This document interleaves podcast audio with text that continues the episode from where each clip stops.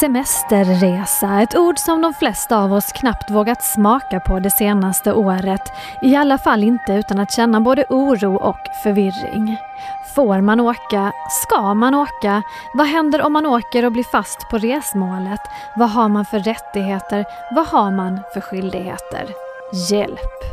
Ja, som ni hör ska vi ägna det här avsnittet åt att prata om resor i coronatider. Välkommen till Aftonbladet Daily. Vi kopplar upp oss mot Caroline Kyn som jobbar som jurist på Konsumentverket. Hon får börja med att berätta vilken som är den vanligaste frågan hon och hennes kollegor får just nu. Det som jag och mina kollegor får är främst anmälningar då som kommer in till Konsumentverket. Ehm, och det handlar om återbetalning via resebyråer. Alltså om till exempel en flygning har ställts in och konsumenten har köpt flygbiljetten via en resebyrå så kan det bli ja, lite krångel däremellan ibland. Um, och sedan får vi även en del ärenden mot sena återbetalningar. Sen har jag även kollat med mina kollegor på Hallå konsument som är vår nationella konsumentupplysning. Och de får fortsatt mycket frågor om inställda flyg, försenade återbetalningar och om och avbokningar av resor. Ja, det finns ju väldigt många olika reserestriktioner nu i, eh, olika länder och regioner. Och de ändras ju titt som tätt också beroende på smittläge och rekommendationer. Och samtidigt börjar ju många göra då nya planer för sommaren och påsken. Hur ska man som konsument tänka kring eventuell semester? Ja, det är ju upp till var och en att bestämma om om man vill resa och eh, hur i så fall. Men det medskick jag vill göra är att det är jätteviktigt att eh, förbereda sig och vara informerad. Det är ju Ja, särskilt om man åker till andra länder så kan det ju komma nya reserestriktioner med kort varsel eller nya regler i de andra länderna med kort varsel.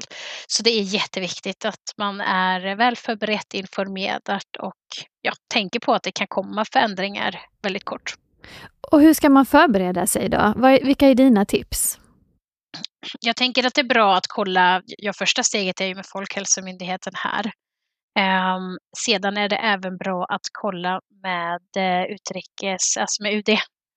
Så att man kollar gärna med UD för att se om det finns reserestriktioner och om de, de kan oftast ge information över de länderna också som man vill resa till.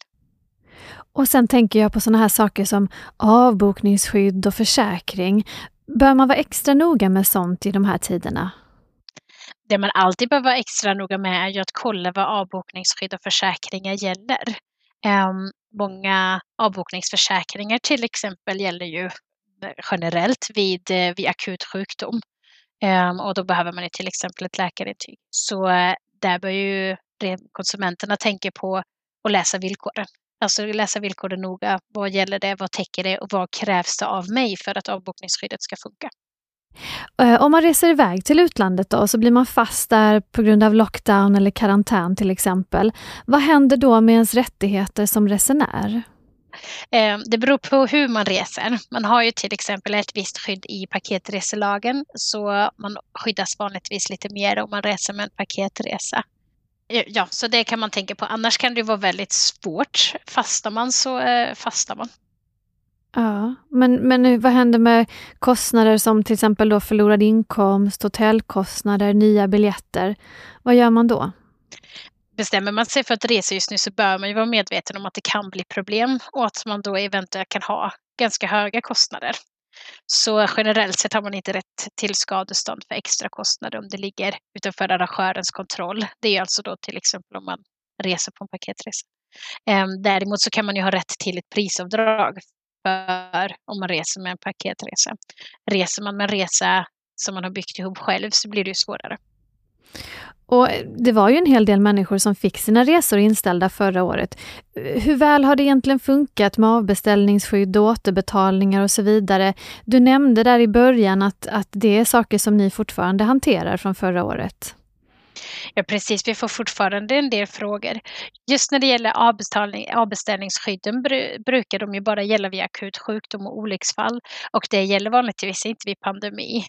Ehm, vi har dock fått in en del anmälningar då på sena återbetalningar så det hanterar vi fortfarande. Och vad har man själv för speciella skyldigheter då som resenär när läget är så osäkert? Du sa att man måste vara väl förberedd. Och finns det någonting annat som man verkligen måste ha med sig? Alltså jag tänker att det är just det här att ha koll. Eh, man har ett jättestort ansvar som konsument nu om man vill resa. Eh, man har till exempel en skyldighet att kolla vilka inreseregler som gäller i de olika länderna. Så och det kan ju också ändras ganska fort. Det kan absolut ändras ganska fort, så det är ju verkligen att ha med sig det både att det är en risk att det kan ändras fort, men även att man är medveten om det, att man behöver ha koll hela tiden. Och det här med att det är pandemi, räknas det som någon slags force majeure? Det finns ingen tidigare bestämmelse om hur det ska påverka en som konsument?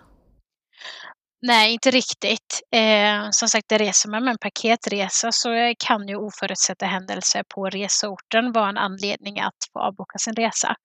Men eh, det finns ingen generell pandemireglering i det här fallet.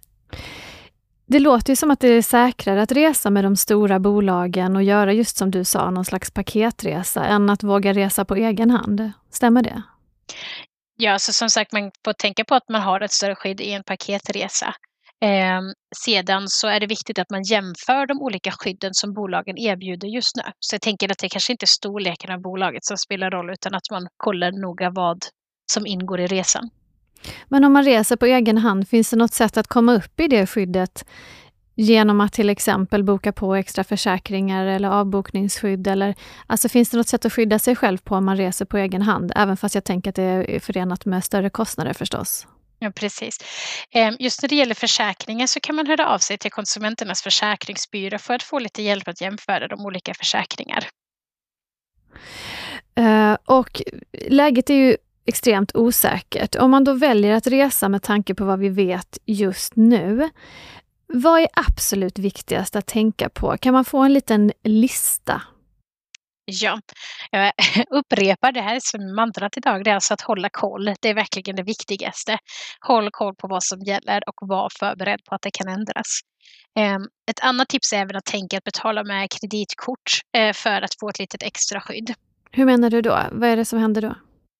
Det är bra att tänka på att betala med kreditkort till exempel för att få ett extra skydd genom konsumentkreditlagen. Då kan man göra en kortreklamation om man inte får tillbaka pengarna vid till exempel inställt flyg eller avbokat boende. Det är även bra att tänka på som sagt att, tänk, att eh, boka en paketresa om man är osäker för att då får man med sig ett extra skydd. Exempelvis så skyddas man ju då om att bolaget går i konkurs eftersom man eh, omfattas av resegarantin. Eh, om du redan är på destinationen, alltså på din resort och flygningen ställs in så bör du med fördel välja ombokning så fort som möjligt. Då har du rätt till hotellövernattning om det behövs och du slipper betala för en ny biljett. Bra att veta. Är din uppfattning att det är många som bokar resor nu inför påsk och sommar? Mm, det är svårt att säga. Vanligtvis så får ju vi först höra det när, när det har uppstått problem. Så eh, Kommer det... ni förbereda er på att få in väldigt mycket ärenden nu då? Med tanke på att många bokar sina semestrar.